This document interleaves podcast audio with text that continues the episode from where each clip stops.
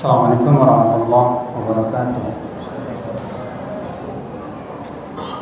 Alhamdulillah nahmaduhu wa nasta'inuhu wa nastaghfiruh wa na'udzu billahi min shururi anfusina wa min sayyiati a'malina. Man yahdihillahu fala mudilla lahu wa man yudlil fala hadiya lahu. Asyhadu an la ilaha illallah wahdahu la syarika lahu wa asyhadu anna Muhammadan abduhu wa rasuluh.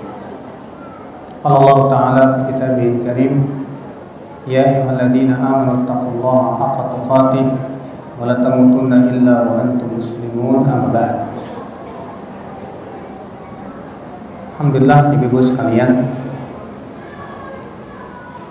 Pada sore hari ini Kita insya Allah akan membahas tentang Sifat-sifat wanita penduduk api neraka. Ini kajian buat ibu-ibu pak, bukan buat bapak-bapak.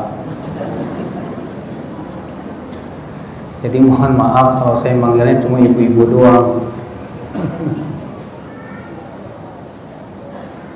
Ibu-ibu sekalian, sebelumnya saya mau nanya sama ibu nih bu, tolong dijawab ya bu ya. Ibu mau masuk neraka atau masuk surga? Hah? Masuk surga? Bener? Jujur? Masya Allah Saya juga sama Bu Siapa sih di antara kita yang pengen masuk neraka? Nggak ada Tapi masalahnya Bu Buat masuk surga Butuh kepada perjuangan kalau buat masuk neraka gampang. Kalau ibu kalau ibu pengen masuk neraka gampang bu. Silahkan berzina, silahkan berbuat maksiat, silahkan mengikuti syahwat. Dijamin ibu masuk neraka. Tapi untuk untuk masuk surga berat. Kenapa? Karena kata Rasulullah, "Huffatil jannah bil makarim." Surga itu dikelilingi oleh hal-hal yang tidak disukai oleh jiwa kita. Ibu-ibu, menurut ibu-ibu menaati suami mudah tidak? Bu, kok dengan diem aja? Menaati suami mudah nggak bu? Mudah kalau ibu lagi senang. Tapi kalau ibu lagi sebel, hahaha Di situlah perjuangan ibu untuk menaati suami. Kira-kira kalau ibu lagi senang dipanggil sama suami, "Ma, ambilin kopi dong." Wah, ibu langsung ngambil, Bu. Ya dengan penuh dengan penuh suka hati. Tapi kalau ibu lagi sebel disuruh sama suaminya, kira-kira ibu gimana? Ya taat sih Ustadz, tapi ya penuh dengan rasa kesal begitu. Kalau ibu taat, alhamdulillah yang masalah ibu ngomel-ngomel. Ternyata kan bu, masya Allah, untuk menaati suami tidak mudah kan? Untuk berbakti kepada suami tidak mudah. Apalagi kalau suaminya kawin lagi. Aduh, pusing. Ya. Sementara kan Allah menghalalkan nikah lagi poligami. Gimana ya? Udahlah Ustaz, saya daripada di madu mendingan diracun. Coba ibu-ibu sekalian. Memang untuk buat, buat masuk surga itu nggak mudah ibu. Ya. Kata Rasulullah, surga itu dikelilingi oleh hal yang hal-hal yang tidak disukai oleh jiwa kita. Makanya Allah mengatakan dalam Al-Quran apa bu? Am hasibtum an tadkhulul jannah walamma ya walamma ya'lamillahu alladhina jahadu minkum wa ya'lamas sabirin Apakah kalian mengira kalian akan masuk surga? Sementara Allah belum mengetahui siapa di antara kalian yang bersungguh-sungguh dan siapa yang bersabar. Jadi Bu Allah mengatakan kalian ini jangan ngarep-ngarep ke surga. kalau kalian tidak bersungguh-sungguh dan kalian tidak sabar untuk menaati Allah, tidak sabar meninggalkan maksiat-maksiat kepada Allah dan tidak sabar menghadapi ujian dan cobaan dari Allah. Jadi Bu, untuk masuk surga Bu, syaratnya apa Bu? Syaratnya kesungguhan dan kesah, kesabaran. Sungguh-sungguh menaati Allah. Kita pengen masuk surga, sungguh-sungguh dong. Jaga sholat itu, sabar di atas sholat. Nah, ini ibu-ibu sekalian, kalau kita ingin masuk surga, tapi kalau untuk masuk neraka sudah saya sebutkan Bu, gampang. Kenapa? Karena Rasulullah mengatakan apa Bu?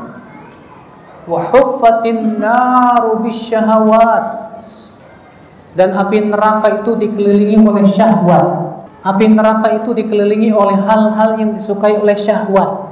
Berzina disukai syahwat tidak?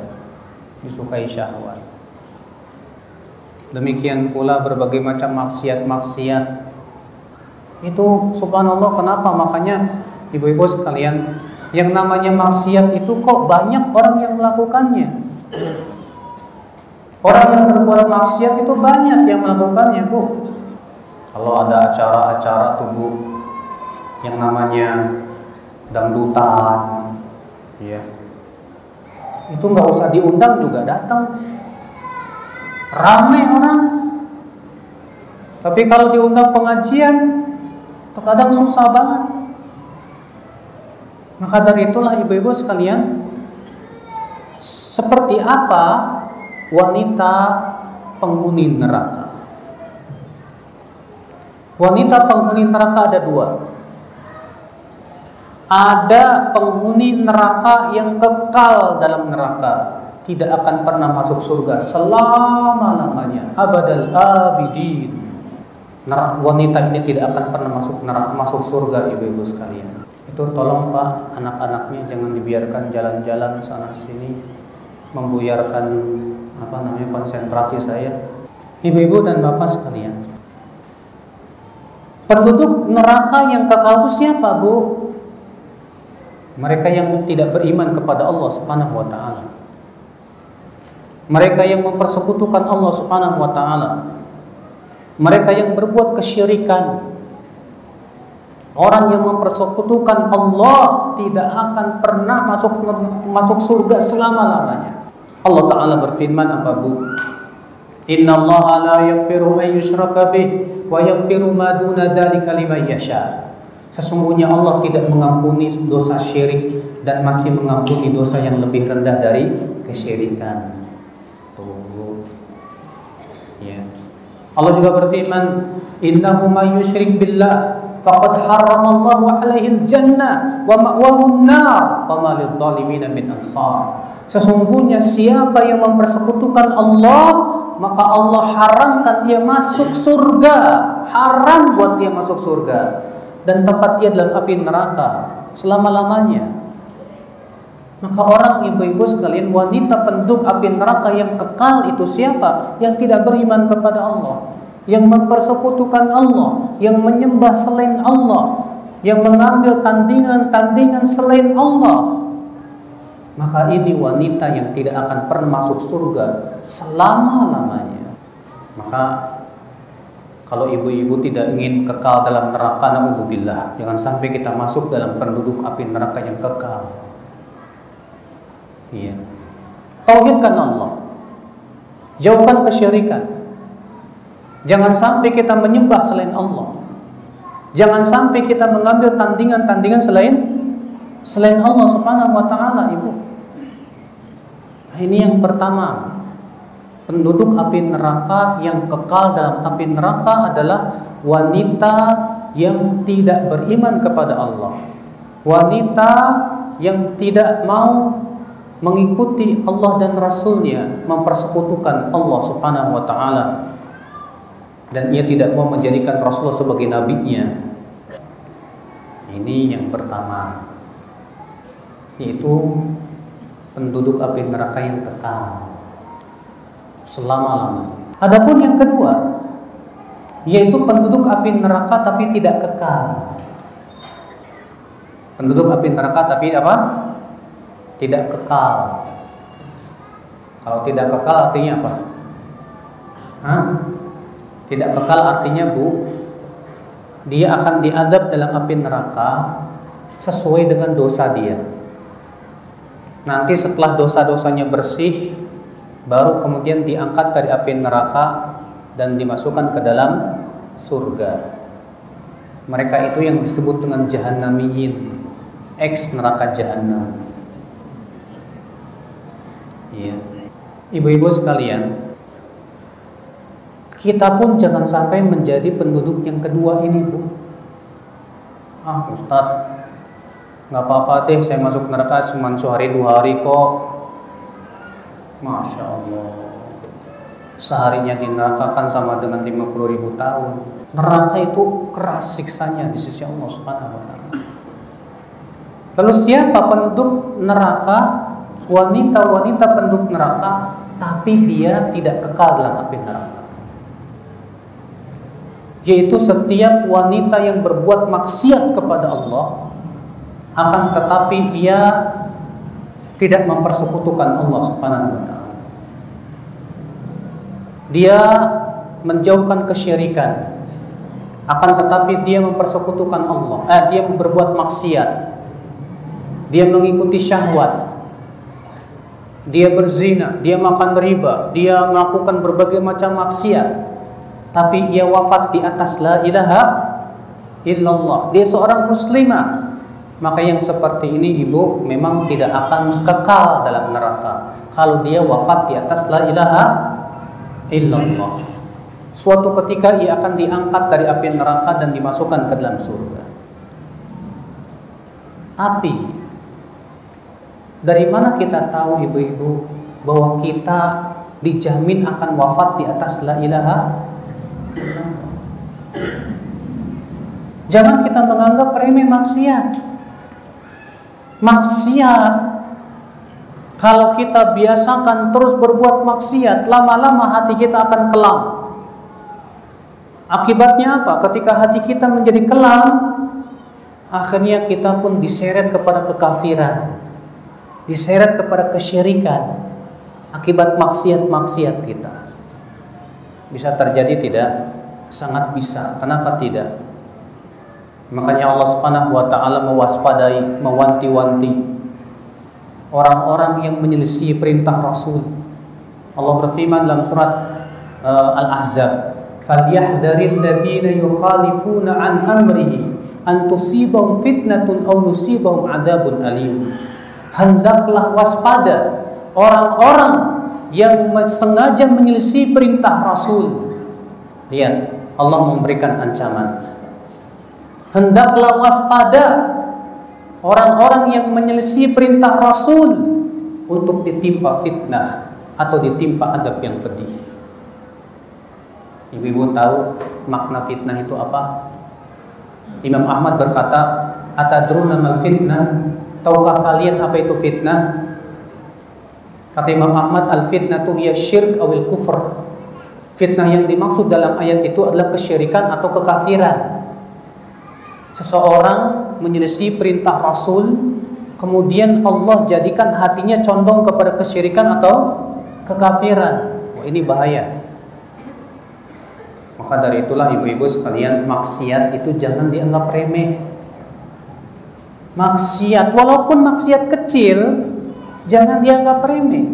Karena Nabi mengatakan iyyakum wa muhaqqaratid dzunub Hati-hati kalian waspadai yang namanya dosa-dosa yang dianggap kecil, remeh. Karena perumpamaannya kata Rasulullah seperti suatu kaum yang singgah di sebuah lembah. Masing-masing kaum kemudian mencari kayu bakar, yang satu dapat ranting, yang satu dapat ranting, yang satu dapat ranting, satu dapat ranting. Kira-kira kalau dikumpulin jadi gimana, Pak? Jadi besar.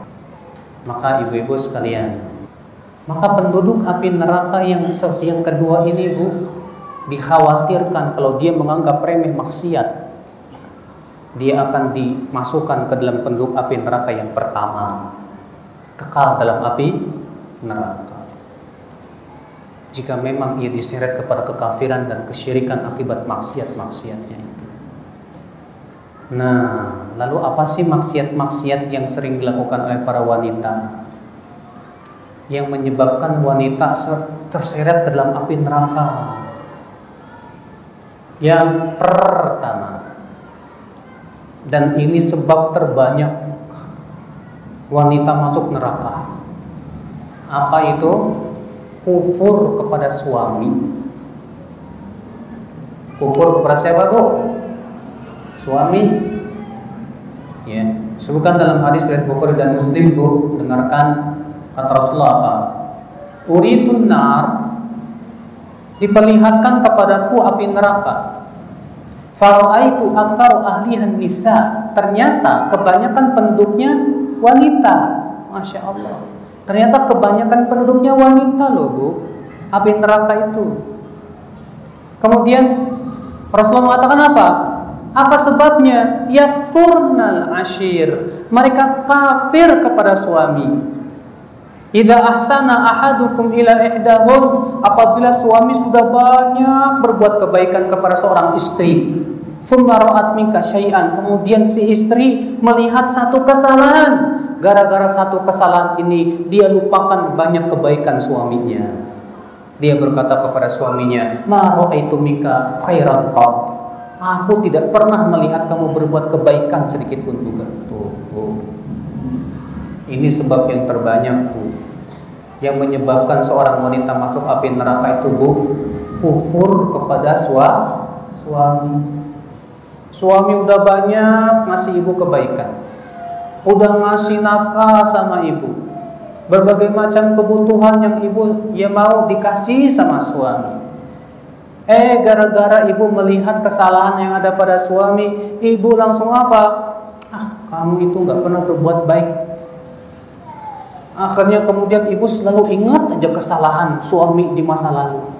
Diungkit-ungkit lagi, diungkit-ungkit lagi kesalahan-kesalahan suami tersebut.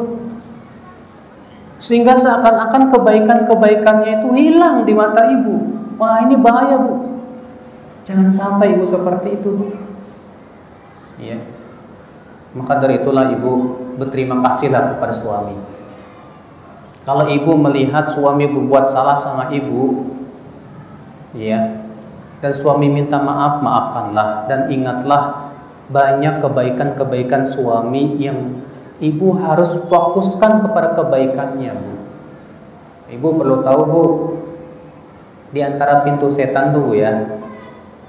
Bagaimana supaya pikiran ibu itu fokus kepada kesalahan suami? Nah ini pintu setan Ibu mikirin kesalahan suami aja. Suami saya kok begini, begini, begini. Saya yakin bu, kalau ibu sudah mikirin yang ibu pikirkan cuma kesalahan suami, kesalahan suami, kesalahan suami, kekurangan suami, lama-lama ibu akan ngelirik laki-laki lain. Ibu akan berkurang cintanya kepada suami. Yang itu yang menyebabkan ibu akhirnya berbuat maksiat kepada suami, tidak mau taat sama suami, bahkan melotot sama suami, bahkan mengucapkan kata-kata yang tidak mengenakan kepada suami. Kenapa? Karena yaitu ibu selalu mikirkan kesalahan dia, yang ibu pikirkan kekurangan dia. Padahal kata Rasulullah, la yakrahu mu'minun mu'minah fa in kariha minha khuluqan radiya minha akhar. Jangan sampai seorang suami membenci istrinya kalau dia melihat ada kekurangan pada istri, hendaklah ia lihat ke kelebihan-kelebihan pada istrinya. Demikian pula seorang istri kepada suami. Kalau ibu melihat ada kekurangan pada suami ibu, coba ibu lihat apa sih kelebihan suami ibu. Nah, ibu fokuskan memikirkan apa kelebihan suami ibu. Ibu suka ah suami saya memang punya kekurangan ini, tapi masya Allah suami saya punya kelebihan-kelebihan ini. Saya suka kelebihan-kelebihannya. Nah, coba ibu fokuskan untuk mikirkan kelebihan-kelebihan suami ibu. Insya Allah ketika ibu mengingat kebaikan suami, kelebihan suami, dan ibu berusaha lupakan ya kekurangan-kekurangan suami, ibu akan menjadi istri yang salihah, seorang istri yang berterima kasih kepada suami. Ya. Subhan dalam hadis hadis bu Rasulullah Shallallahu Alaihi Wasallam bu pernah bersabda kepada seorang wanita. Apa kata Rasulullah? Ada tu zaujin anti? Kamu punya suami tidak? Kata wanita ini punya ya Rasulullah.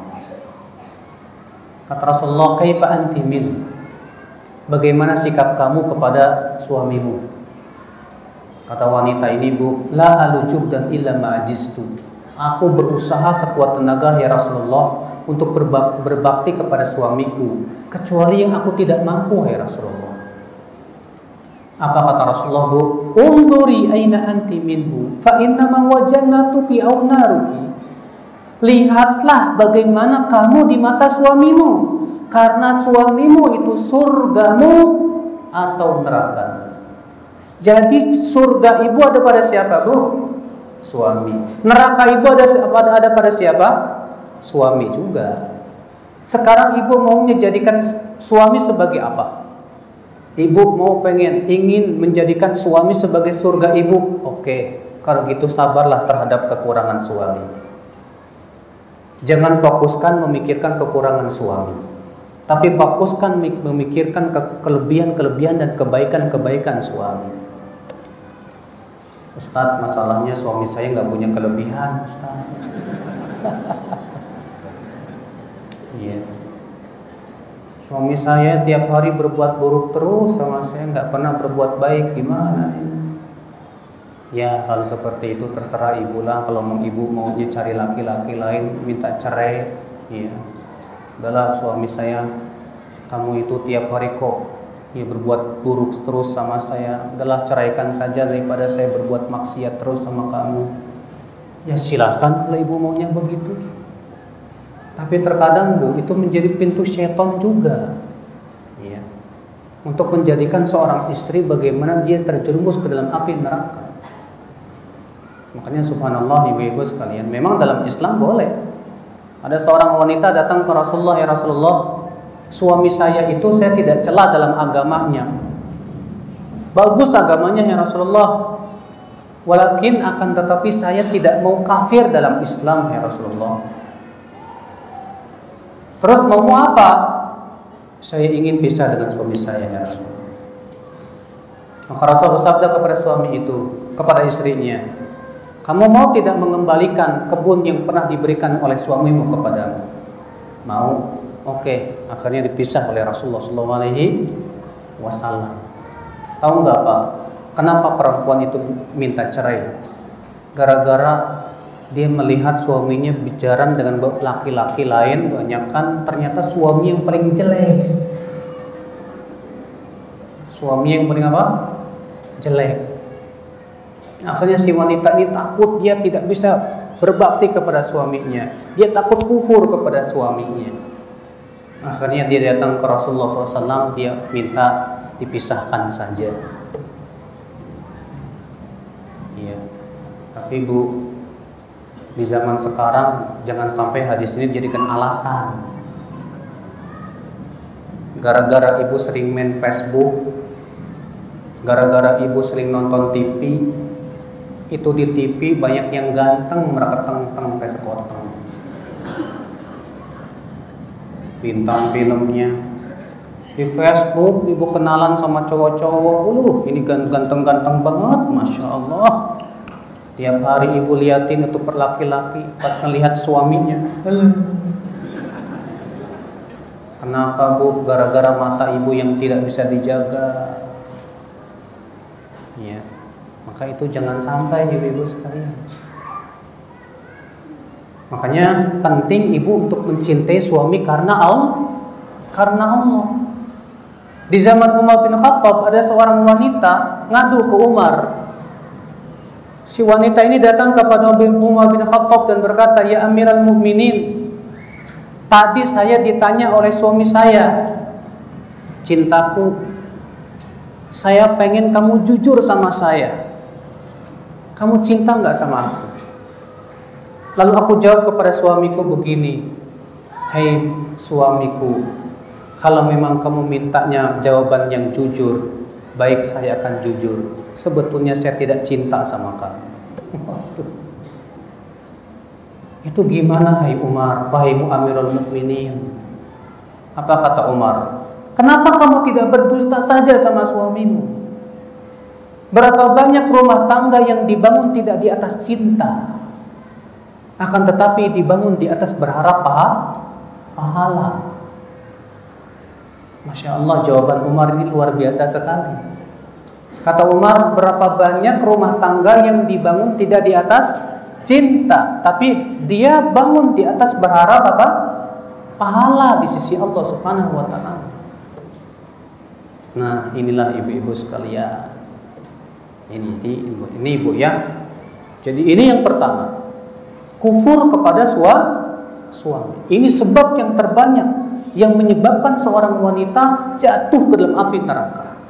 Suami tidak terima kasih kepada suami, melupakan kebaikan suami. Iya. Nah, ibu-ibu sekalian. Makanya supaya ibu berterima kasih kepada suami sudah saya berikan tadi, ibu. Selalu ibu ingat kebaikan-kebaikan suami. Selalu ibu melihat kelebihan-kelebihan suami.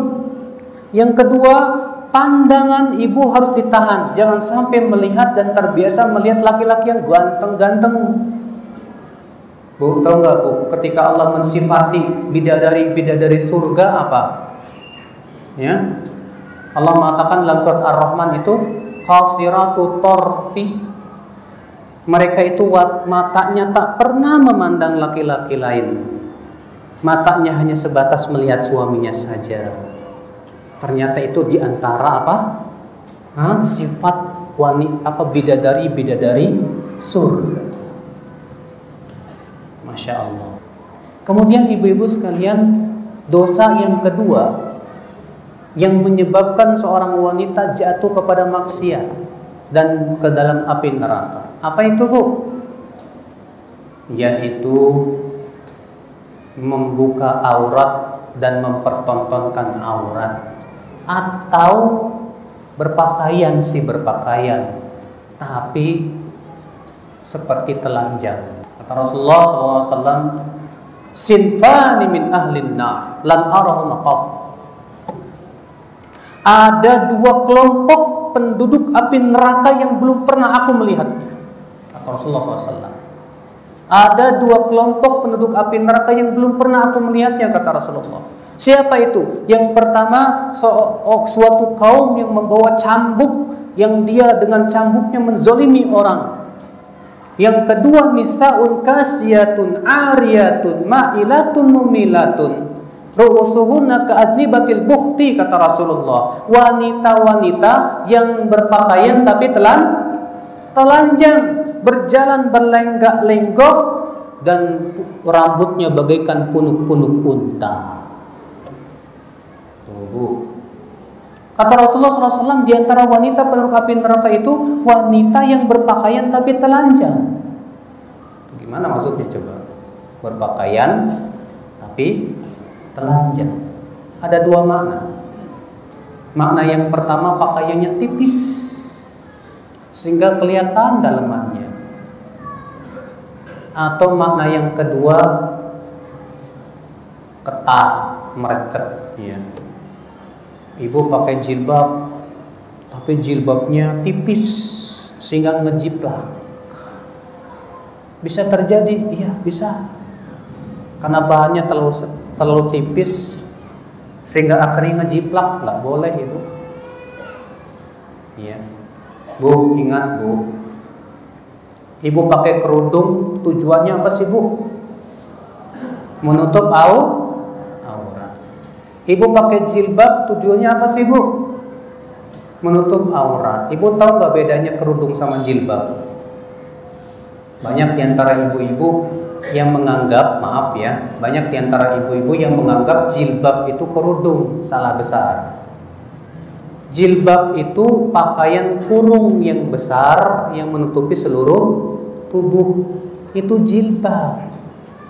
Makanya ayat kerudung sama ayat jilbab kan beda. Ayat kerudung itu di surat di surat Al-Mu'minun. Allah mengatakan wal yadribna bi khumurihinna ila juyubihinna. Hendaklah mereka ya mengulurkan khumur. Khumur itu apa? Kerudung sampai ke dada-dada mereka. Itu ayat kerudung. Adapun ayat jilbab dalam surat Al-Ahzab ayat, ayat 59 Allah berfirman, "Ya ayuhan nabi, qul li azwajika wa banatika wa nisa'il mu'minina yudnina 'alaihinna min jalabibihinna." Wahai nabi, katakan kepada istri-istrimu dan anak-anak wanitamu dan istri-istri kaum mukminin hendaklah melabuhkan jilbab-jilbab mereka. Apa itu jilbab? pakaian kurung yang besar yang menutupi seluruh tubuh. Itu jilbab bu. Jadi jilbab itu bukan kerudung. Ya. Kerudung itu khimar namanya. Kemudian bu Allah melarang para wanita untuk mempertontonkan kecantikan dan perhiasannya Allah berfirman wala yubdina zinatahunna janganlah para wanita memperlihatkan perhiasan mereka. Perhatikan kata ayat ini, Bu. Janganlah para wanita mempertontonkan perhiasan mereka. Zinatahunna. Ini bentuknya dalam bahasa Arab disebut apa? Kata tunggal yang diidofahkan maknanya umum. Maka setiap yang sifatnya itu perhiasan dan mempercantik diri itu tidak boleh. Nah sekarang Bu, maaf maaf Pak Bu aja Bu ya. Kalau di Jakarta itu lagi menjamur namanya kerudung fashion. Tahu nggak fashion? Jadi kerudungnya itu Bu ya macam-macam dah. Dililit-lilit. Wah ya. Jadi tujuannya apa coba Bu? Tujuannya cantik dengan kerudung. Nah ini mau mau nutup aurat apa mau gimana sih ini tujuannya? Ibu-ibu kalau ibu-ibu pakai baju tujuannya kelihatan cantik. Berarti ibu sudah melanggar firman Allah. Allah berfirman, "Wala yubdina zinatahun." Janganlah para wanita memperlihatkan zina, perhiasan mereka. Lah kalau pakaian jadi hiasan, tetap haram, nggak boleh. Makanya ibu pakai jilbab, ibu pakai kerudung, ibu pakai pakaian harus sesuai dengan syariat bu. Bu, saya mau tanya lagi sama ibu. Ketika ibu beli baju yang ibu pikirkan biar tampil cantik atau biar diridhoi Allah? Hah?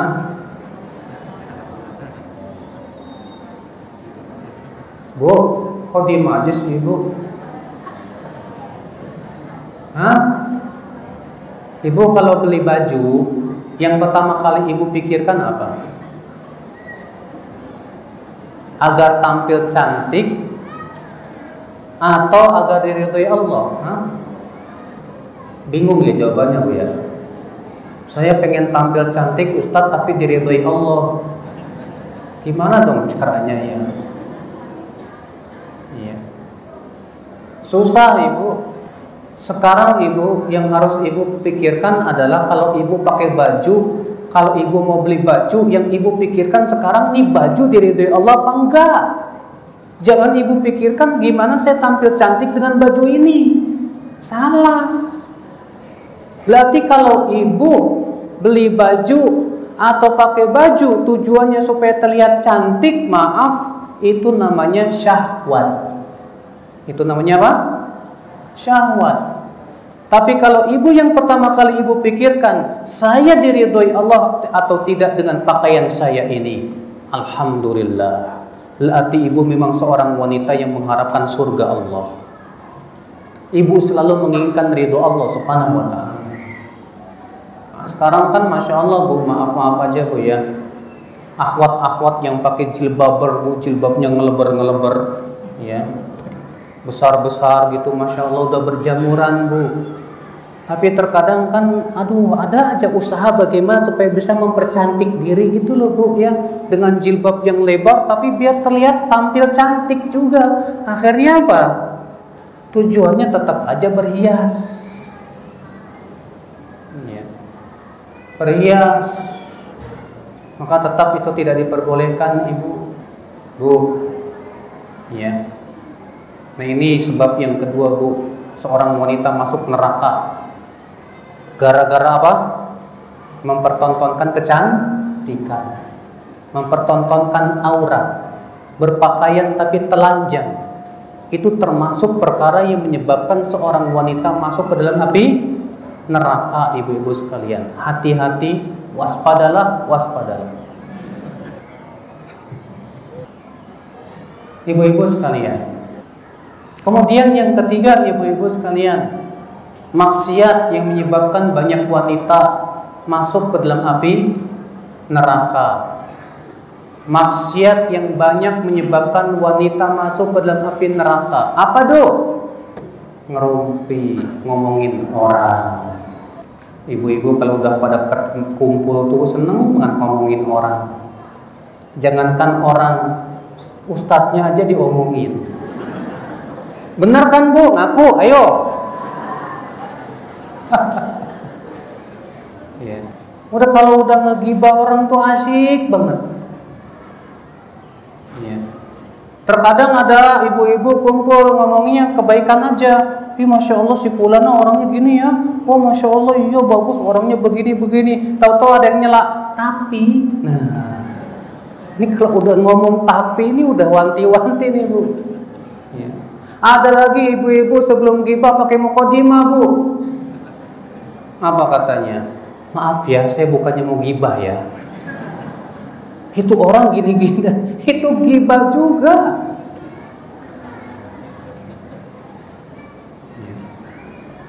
Makanya ibu-ibu Allah subhanahu wa ta'ala mengkhususkan para wanita. Allah mengatakan wala nisa'un min nisa'in asa ayyakunna khairan minhunna. Janganlah para wanita memperolok wanita yang yang lain memperolok yang lain bisa jadi yang diperolok lebih baik daripada yang apa?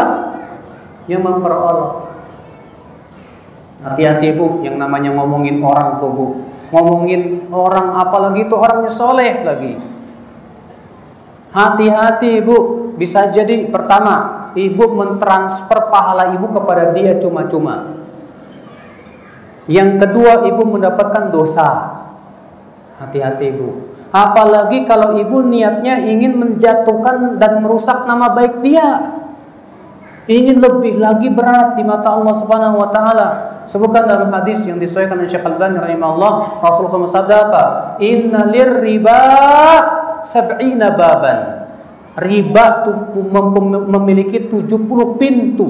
Riba ada 70 pintu. Yang paling rendah seperti dosa mendatangi ibunya ya menzinai ibunya. Dan riba yang paling riba kata Rasulullah istitolatul rajul ala ardi akhi seseorang merusak kehormatan saudaranya. Banyak alhamdulillah kaum muslimin yang lari dari riba. Tapi terkadang jatuh kepada yang lebih berat dari riba. Merusak nama baik orang lain. Di Facebook di media sosial tidak boleh ibu. Jangan sampai ibu-ibu ya lisannya itu mudah bu gibah orang hati-hati. Disebutkan dalam sebuah riwayat yang dari Abu Daud dalam sunannya bu. Suatu ketika Rasulullah SAW sedang berada di rumah Aisyah. Kemudian datanglah Sofia istri Rasulullah yang lain. Ada keperluan ingin berbicara dengan Rasulullah SAW. Maka Rasulullah pun berbicaralah sebentar dengan Sofia. Setelah Sofia pergi, Rasulullah pun datang lagi ke Aisyah. Apa kata Aisyah? Ya Rasulullah, hasbuk min Sofia tikada. Hai Rasulullah, cukuplah Sofia itu begini. Maksudnya, Bu, maksudnya Sofia itu pendek. Aisyah berkata begitu di hadapan Rasulullah. Hai Rasulullah, cukuplah Sofia bagimu begini. Cuma isyarat, apa kata Rasulullah bu? Ya Aisyah, laqad qulti bi kalimatin law muzijat bima'il bahri. Hai Aisyah, kalau kamu sudah mengucapkan kata-kata, kalaulah kata-kata kamu dicampur dengan air laut, kotor air laut itu. Padahal Aisyah hanya mengatakan begitu saja. Berat bu dosa gibah itu. Makanya disebutkan dalam hadis Rasulullah SAW pernah melewati dua kuburan. Kata Rasulullah, innahuma la yu'adzaban. Dua penghuni kuburan ini sedang diadab. Dan tidaklah keduanya diadab karena apa? Karena perkara yang dianggap besar oleh mereka, padahal itu besar di sisi Allah. Adapun yang pertama, kata Rasulullah, fakana yaktab, dia suka bergibah. Demikian dalam riwayat Imam Ahmad. Adapun yang kedua, dia tidak berhati-hati dari air kencingnya. Ternyata Bu, Gibah itu sebab seseorang di, diadab dalam apa? Dalam kubur. Dalam kubur diadab oleh Allah Subhanahu wa taala. Maka ini dosa yang kedua nih Bu, eh, yang keberapa? Yang kedua ya? Ya, yang keberapa? Yang ketiga. Yang menyebabkan banyak wanita masuk ke dalam api neraka gara-gara apa? Gibah, gibah. Maka hati-hati Bu. Kalau ibu lagi kumpul-kumpul sama teman-teman ibu dan mereka ada yang bergibah, segera ibu pergi. Jangan sampai ibu duduk di suatu tempat yang di situ orang sedang digibahi orang. Jangan. Kalau ibu mau duduk juga, ibu harus mengingkari kemungkaran. Ibu bilang maaf, tolong jangan bicarakan tentang si fulana bin fulana bintu fulana atau tentang si anu dan anu. Itu gibah haram. Mendingan kita bicara ilmu saja deh daripada kita gibahin orang. Nah, ini Bu, ya. Ini dosa yang keberapa? Yang keberapa, Bu? Yang ketiga. Ya. Dosa yang keempat yang menyebabkan banyak wanita ya masuk ke dalam api neraka.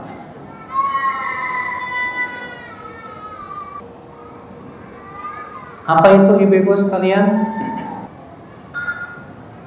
Tidak mau memberikan asiknya kepada anaknya.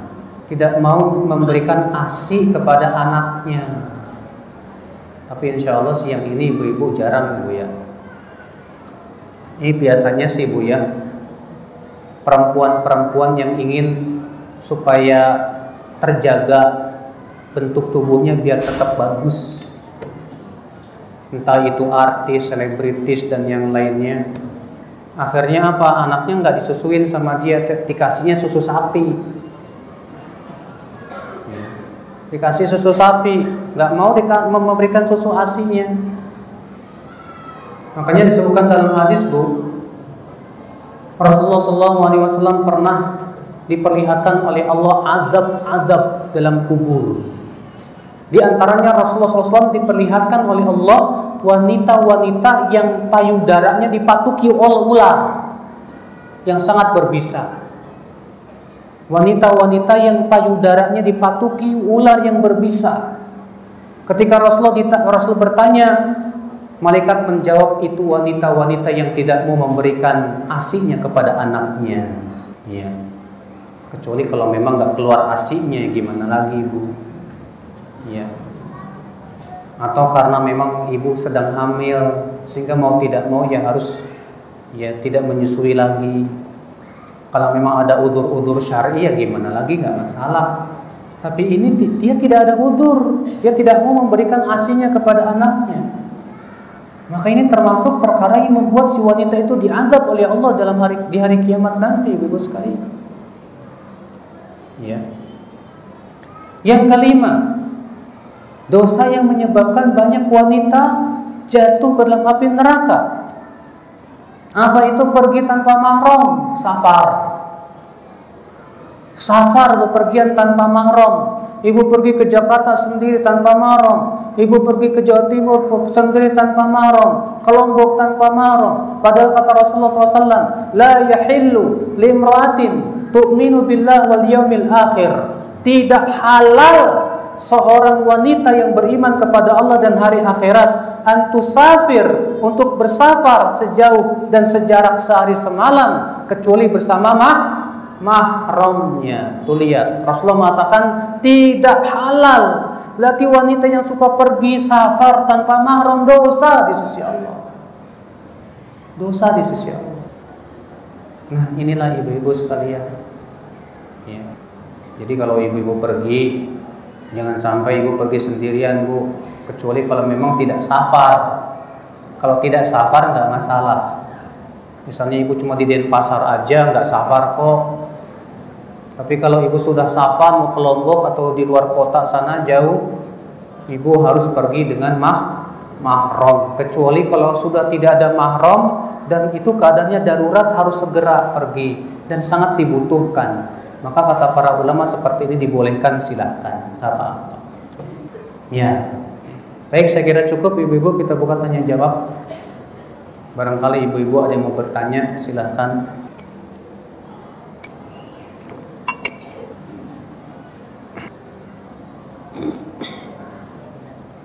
Bagaimana cara bisa menjadi wanita yang selalu istiqomah? Kadang kami yang baru hijrah ini memakai baju syar'i sering diejek atau dikucilkan. Nah, inilah memang ujian hidup bagi mereka yang ingin masuk surga. Ibu nggak usah khawatir dikucilkan oleh manusia asal jangan dikucilkan sama Allah. Dikucilkan sama manusia sama sekali tidak memberikan pengaruh insya Allah buat ibu. Iya. Nggak usah ibu takut dengan ejekan orang bu, nggak usah. Makanya Allah Subhanahu Wa Taala bu, ketika mensifati orang-orang yang dicintai oleh Allah, Siapa orang yang dicintai oleh Allah, Bu? Mereka Allah mengatakan wala yakhafuna laumata laim. Mereka tidak takut dengan cercaan orang-orang yang mencerca. Ternyata itu sifat seorang yang dicintai oleh Allah, tidak takut dicerca ketika menaati Allah. Tidak takut dikucilkan ketika menaati Allah dan Rasulnya. Ini sifat orang-orang yang dicintai oleh Allah. Sabar bu, sabar. Kalau ibu dikucilkan, kalau ibu diejek, ibu ingat para nabi terdahulu. Dan ini pahalanya jauh lebih besar daripada wanita yang pakai jilbab tapi tidak dikucilkan, tidak diejek. Makanya ibu sabar, alhamdulillah. Ingat kata Rasulullah, Inna Islam bada'a ghoriban wa sayaudu ghoriban fatuba lil ghuraba. Sesungguhnya Islam itu dimulai dalam keadaan asing dan akan kembali menjadi apa? asing. Maka berbahagia pohon di surga bagi orang yang terasing. Masya Allah. Sabar bu, sabar. Ya tetaplah berjilbab dengan jilbab yang syar'i. Insya Allah kesabaran itu diberikan oleh Allah pahala yang sangat besar berlipat ganda. Allah berfirman, Innama yuwaffas sabiruna ajrahum biwairi hisab. Sesungguhnya orang-orang yang sabar itu diberikan pahala dengan tanpa batasan di sisi Allah. Ya. Saya mewakili pertanyaan dari teman saya yang berada di Papua, jauh amat. Teman saya bekerja pada perusahaan yang bergerak di bidang kontraktor, di mana perusahaan tersebut banyak melalaikan praktek suap atau lobby guna memperoleh proyek. Teman saya saat ini resah bagaimana dengan pekerjaannya dari sudut pandang Islam, halal atau haram, Pertama, perusahaan itu bergeraknya di bidang yang halal atau yang haram. Kalau memang itu bergerak, bergeraknya di bidang yang halal, ya, misalnya per, pertambangan dan yang lainnya, dan antum pekerjaannya pun halal, insya Allah gaji antum halal. Adapun kemudian perusahaan itu melobi begini-begini dengan cara suap, maka itu dosa di sisi Allah. Nah sekarang kalau ada orang yang menyuap setelah menyuap dia dapat pekerjaan pekerjaannya halal tidak halal tapi menyuapnya tetap haram dan terkena laknat. Maka dari itu kalau kamu pekerjaannya adalah bukan di bidang suap menyuapnya kecuali kalau kamu yang ditugaskan untuk menyuap maka nggak boleh harus keluar jangan menaati. Tapi kalau dia ini kerjanya di bidang yang lain, tidak ada sangkut pautnya dengan apa? Suap menyuap dan itu memang halal, insya Allah nggak apa-apa, pekerja saja. Tapi kalau misalnya dia mau lebih selamat lagi, dia mau cari pekerjaan yang lebih halal, silahkan. Iya. Karena di zaman sekarang ini bu, pak, Banyak sekali perusahaan yang sulit sekali lepas dari yang namanya suap menyuap. Ya. Bolehkah chatting dengan ikhwan sepintas berbicara atau konsultasi tentang produk yang saya jual? Boleh, nggak apa-apa. Ini sesuatu yang sifatnya dibutuhkan. Ya, ibu chatting dengan ikhwan hanya karena berbicara tentang masalah-masalah yang berhubungan dengan produk yang ibu jual. Atau ibu berbicara karena ada kebutuhan-kebutuhan yang lain yang sifatnya manajemen dan yang lainnya. Tapi dengan syarat ibu pastikan tidak fit terfitnah. Pastikan tidak terfitnah. Ya. Bolehkah memposting foto di sosmed dengan tujuan iklan atau testimoni? Kebanyakan posting foto adik laki-laki saya buat jadi model. Boleh tidak apa-apa bu, kalau itu model pakaian, tapi kalau bisa ya wajahnya diputihkan kayak apa gimana gitu kan. Yang penting kan bajunya. Ya, kalau bisa begitu. Tapi kalau misalnya apa namanya adiknya laki-laki tersebut dipajang di Instagram atau di Facebook dan yang lainnya, ya sebetulnya boleh-boleh saja selama tidak menimbulkan fit fitnah. Ya.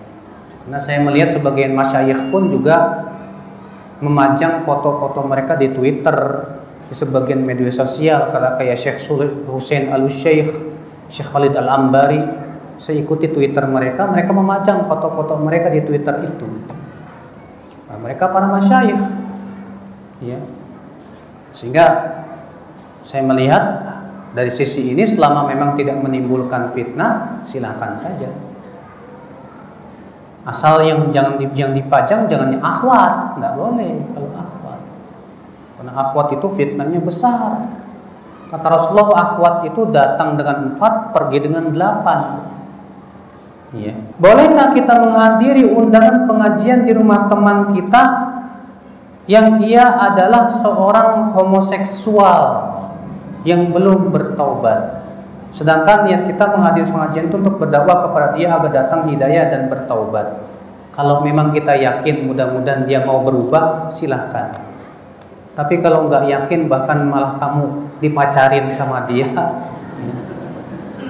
bahaya juga. Yang namanya homoseksual tuh nggak mudah untuk sembuh, Pak.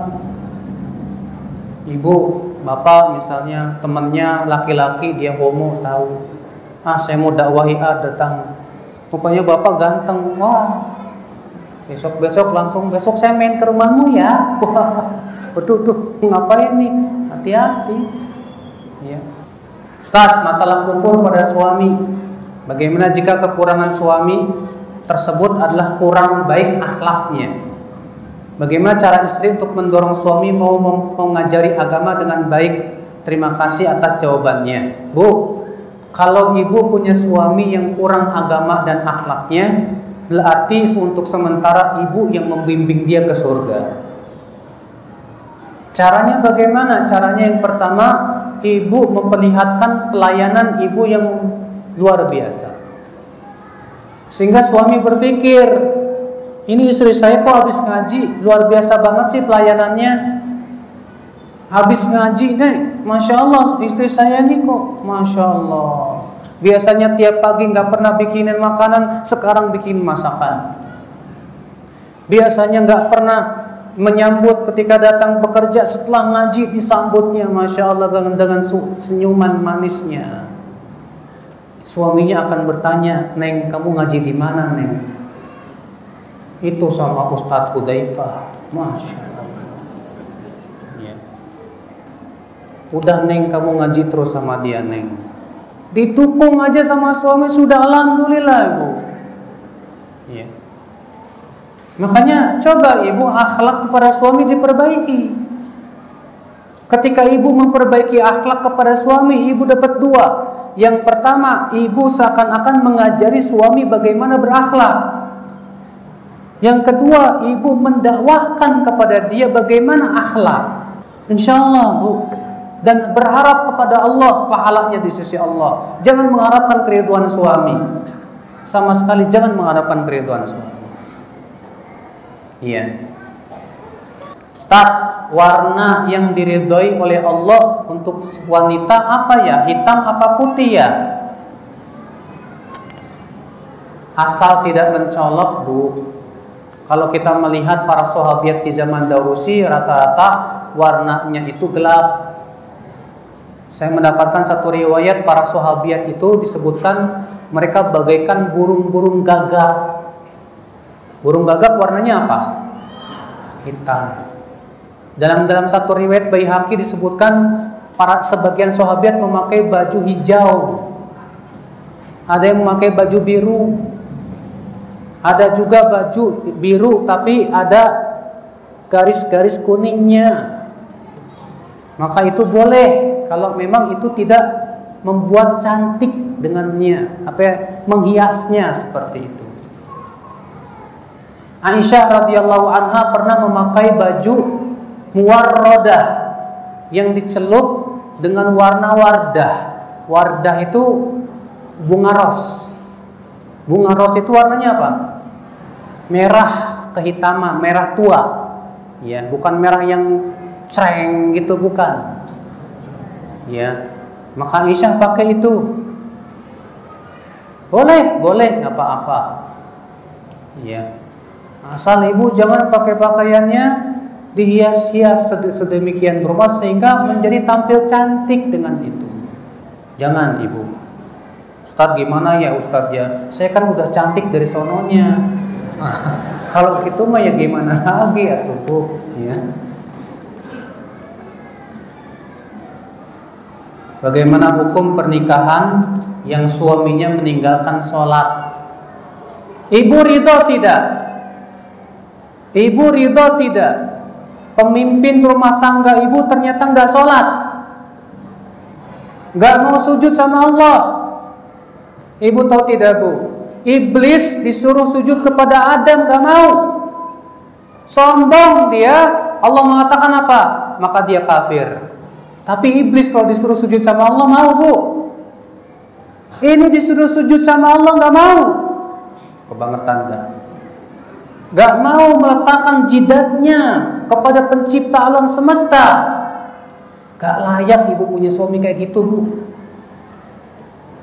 Ya, makanya sebagian ulama mengatakan wanita wanita yang baik-baik tidak halal untuk wanita yang gak sholat, eh laki-laki yang gak sholat. Syekh Utsaimin bahkan mengatakan harus dipisah, harus dipisah. Karena wanita-wanita yang baik-baik itu hanya untuk laki-laki yang baik-baik. Ya. Bagaimana hukumnya jika wanita yang bekerja di kantor yang mesti berpenampilan menarik dan fresh? Wah. Misalnya sebagai customer service, apakah termasuk kategori mempertontonkan kecantikan? Nah, itu berarti pekerjaannya tidak boleh. Biarkan yang jadi customer service laki-laki semua. Janganlah perempuan. Ibu nggak boleh bekerja sebagai customer service. Kalau ternyata disuruh mempertontonkan kecantikan biar fresh terus katanya. Iya. Bu, ibu cantik buat laki-laki atau buat suami? Buat suami kan Bu ya? Ya sudah. Maka ibu harus harus berhenti dari pekerjaan sebagai customer service yang menyebabkan ibu dimurkai oleh Allah gara-gara ibu selalu mempertontonkan kecantikan. Gak boleh. Ya. Itu berarti pekerjaannya yang tidak halal. Bagaimana jika perempuan di masa lalunya berbuat syirik tapi sudah bertaubat? Loh, para sahabat kan masa lalunya berbuat syirik semua. Ya tidak? Umar bin Khattab, ya banyak sahabat itu dahulu penyembah berhala semua, Bu tapi kemudian taubat masuk is masuk Islam. Ya. Siapa pun yang bertaubat, Allah akan ampuni dosa-dosanya. Ya. Apakah harus dipertahankan seorang suami yang tidak pernah memberi nafkah kepada anak istrinya? Ini termasuk udur syar'i, wanita boleh minta cerai. Kenapa? Karena memberi nafkah itu kewajiban Suami. Kalau suami sudah tidak mau memberikan nafkah lagi kepada istri, itu berarti suami tidak bertanggung jawab. Maka pada waktu itu si istri boleh dibolehkan dalam syariat minta cerai. Kecuali kalau istrinya ridho, nggak apa-apa, kamu nggak kerja juga, biar aku yang kerja. Ya, udah kamu sono urusin anak-anak sana, biar yang saya jadi. Ya, cuma masalahnya suami kayak gituan kok nggak punya rasa malu gitu. Kecuali kalau memang suaminya sudah lumpuh atau sakit atau yang lainnya udah nggak bisa lagi, gimana lagi? Ya. Kalau kita berwudu dalam keadaan memakai bedak, apakah wudhunya sah? Bu, saya yakin kalau ibu berwudu itu bedaknya hilang. Ada nggak bedak yang nggak hilang sama wudhu air wudhu? Iya. Jadi kalau ibu berwudhu dalam keadaan pakai bedak, pas ibu cuci hilang, ya udah selesai. Setelah wudhu bedakan lagi, ya nggak apa-apa. Asal bedaknya jangan tebal-tebal bu, kayak ondel-ondel bu. Saya pengen menutup aurat dengan jilbab yang menurut syariat Islam Ustadz Tapi suami saya lebih suka saya modis Dalam artian fashion yang tidak syar'i Jangan taati suami Dalam rangka memaksiati Allah Bilang kepada suami Mas Saya tuh cinta banget sama Mas Tapi Allah dan Rasulnya lebih saya cintai Kamu minta saya modis tapi ternyata itu tidak sesuai syariat. Saya takut sama Allah. Saya ingin mengikuti Allah dan Rasulnya. Sementara itu jilbab yang fashion itu nggak sesuai syariat. Saya takut kepada Allah. Ya. Sabar bu, sabar. Saya waktu di Cilengsi bu, dan memang saya tinggal di Cilengsi. Maksudnya waktu ada waktu itu ada kajian di Cilengsi bu ada ibu-ibu bertanya begini, Ustadz, saya punya punya suami nggak mau saya pakai saya pakai jilbab. Saya punya suami nggak mau kalau saya pakai kerudung. Bahkan dia mengancam saya kalau saya pakai jilbab, kalau saya pakai kerudung, saya pasti cerai sama dia. Bagaimana Ustadz? Saya bilang, ibu, ibu cinta sama suami. Cinta banget Ustadz. Sekarang mana yang lebih ibu cintai? suami ibu atau Allah dan Rasulnya? Dia berkata Allah dan Rasulnya. Sekarang mana yang lebih ibu pilih? Allah dan Rasulnya atau suami ibu? Ya Allah dan Rasulnya. Ya sudah bu. Insya Allah Allah gantikan dengan yang lebih baik bu. Sabar. Dan subhanallah memang benar dia cerai, dicerai sama suaminya gara-gara dia nggak mau pakai yang nggak mau nurutin apa suaminya dia tetap pakai jilbab diceraikan sabar dan alhamdulillah diganti dengan yang lebih baik makanya nggak usah khawatir bu sabar aja menaati Allah dan Rasul itu memang masya Allah ya jika berhias diharamkan bagaimana kalau suami menginginkan istrinya untuk berdandan atau berhias ya kalau di depan suami nggak apa-apa tuh bu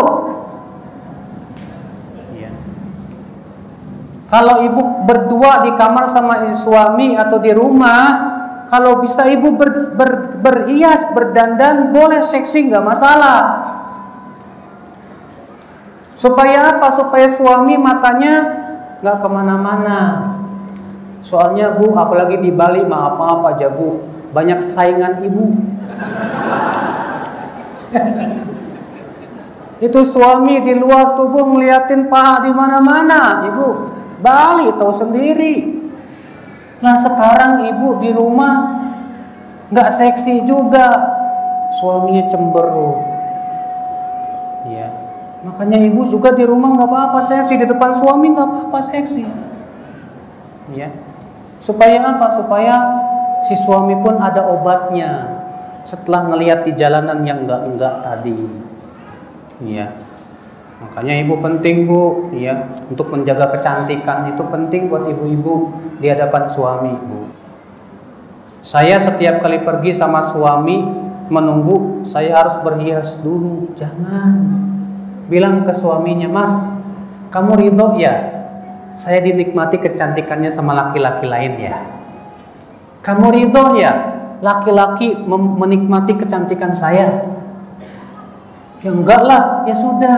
Kalau kamu tidak ingin saya dinikmati kecantikan saya, kenapa Mas menyuruh saya harus berhias-hias macam-macam?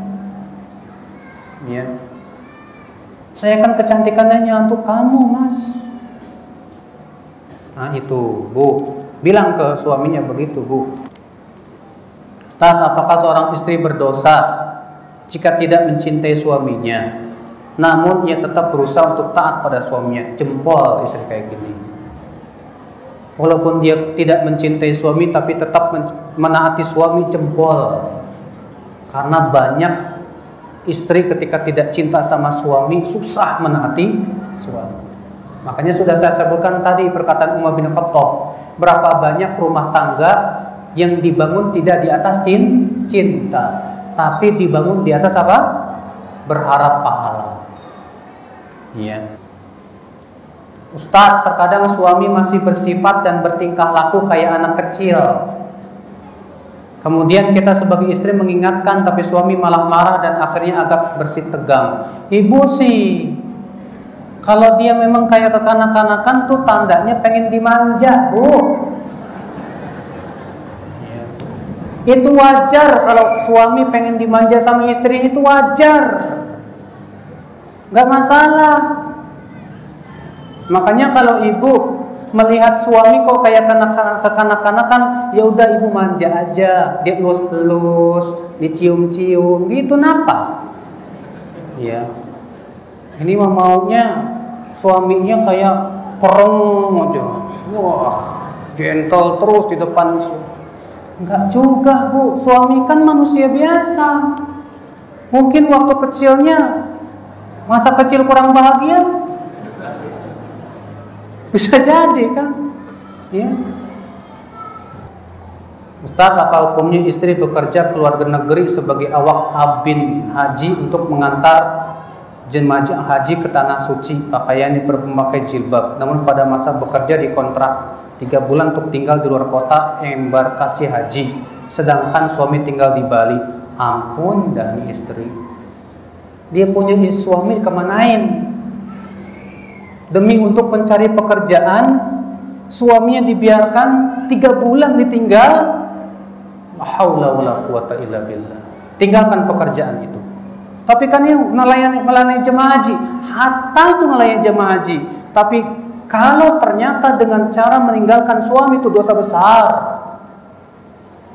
dosa besar itu bu tinggalkan pekerjaan ibu fokus jihad untuk menaati suami, melayani suami. Cari pekerjaan yang lain yang halal insya Allah. Iya. Ibu punya apa? Kenalan travel-travel. Enggak perlu ibu pergi tiga bulan begitu. Cari orang-orang yang jamaah jamu haji. Tinggal apa? Ya, ke travel ini dapat fee-nya. Dapat juga insya Allah. Banyak travel kok kalau misalnya ada yang nyari-nyariin jemaah haji dikasih fee nih buat kamu 100 dolar. Satu orang dapat satu 100 dolar misalnya. Kalau haji biasanya lebih besar lagi. Satu orang bisa dapat 500 dolar misalnya. Iya. Itu Masya Allah bisa sambilan tanpa harus meninggalkan suami.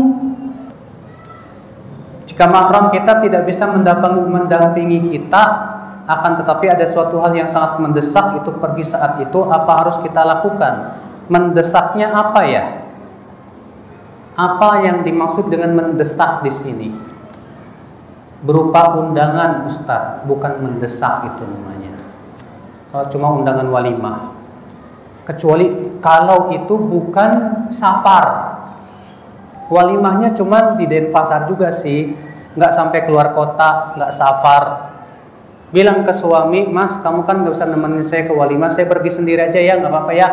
Ini kan nggak safar. Silakan nggak apa-apa, kecuali kalau memang safar. Maka safar itu harus ditemani suami. Kalau suami nggak bisa, ya udah, nggak boleh datang. Ya, daripada malah maksiat selama perjalanan. Baiklah, saya kira cukup sampai di sini. Apa tuh pertanyaan ibu-ibu? Silakan ibu-ibu.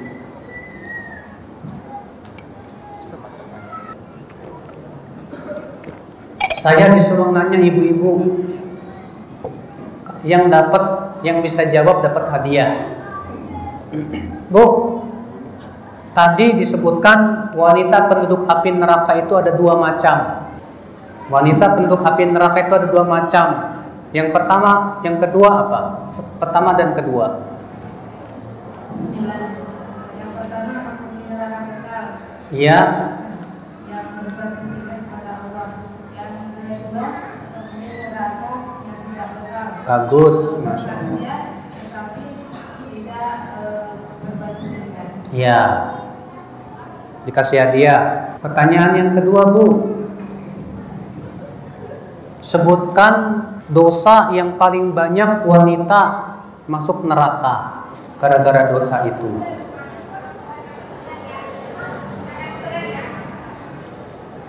Silakan.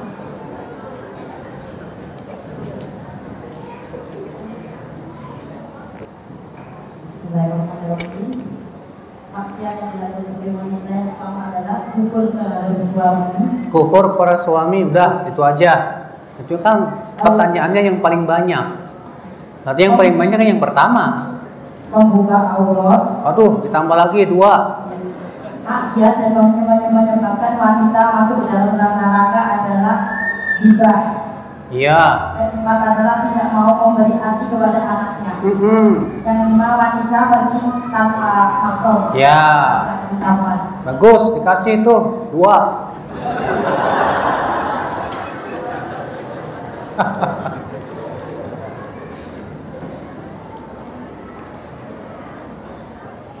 Pertanyaan yang terakhir ibu-ibu.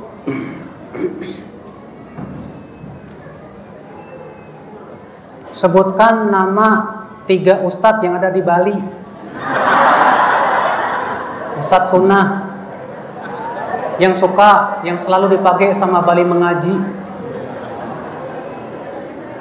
Yang selalu dipakai sama Bali mengaji, inget ya. Bismillah.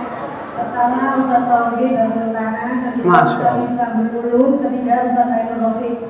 Masya Allah. Benar tidak? Benar. Kata Mas Badrimin benar katanya. Ya udah dikasih aja. Satu lagi. Kan tiga katanya. Empat. Baik, satu lagi. Ibu-ibu sekalian, siapakah sebutkan nama-nama ustadz luar kota yang suka ke Bali? Tiga orang saja Ustadz yang suka diundang sama Bali mengaji. Yang di yang yang diundang sama Bali mengaji itu saya. Salah. Pokoknya selain saya.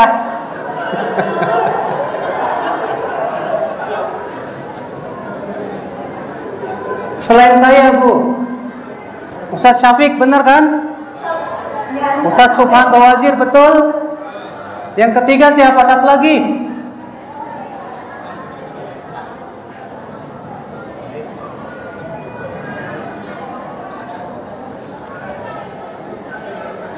Ah? Yang lain?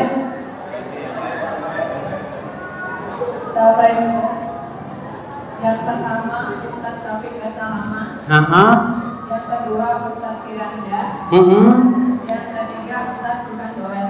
Benar nggak? Ah benar. Dibagi, di- dibagi dua tuh sama yang tadi. Baik, saya kira cukup. Subhanallah bihamdik. Asyhadu an la ilaha illa anta astaghfiruka wa atubu ilaik. Assalamualaikum warahmatullahi wabarakatuh.